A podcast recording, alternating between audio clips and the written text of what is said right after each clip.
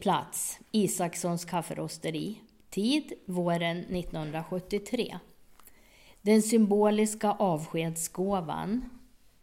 Denna dag skulle jag göra min sista arbetsdag på kafferosteriet. Jag var 22 år, hade arbetat där i omkring ett och ett halvt år och det var nu dags att gå vidare. Det var med blandade känslor jag infann mig den där dagen. Visst var jobbet ganska enahanda.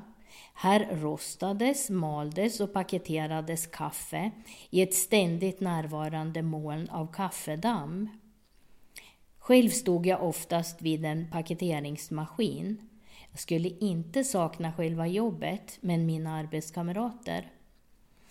Det var en liten arbetsplats med bara omkring ett dussin anställda. Här fanns både män och kvinnor, unga och gamla.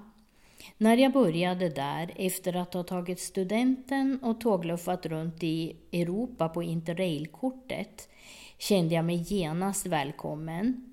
Jag blev behandlad som en vuxen och fick ganska snart ta del av både förtroenden och livsberättelser. Själv talade jag mycket om Vietnamkriget under de där åren. Och här fick jag höra om hur det var att leva i Norge under andra världskriget, om stölder av potatis för att överleva. En kvinna berättade att hennes pappa hade gått med som musiker i demonstrationståget i Ådalen 1931. Det var hisnande berättelser och jag visste att det var detta jag skulle sakna.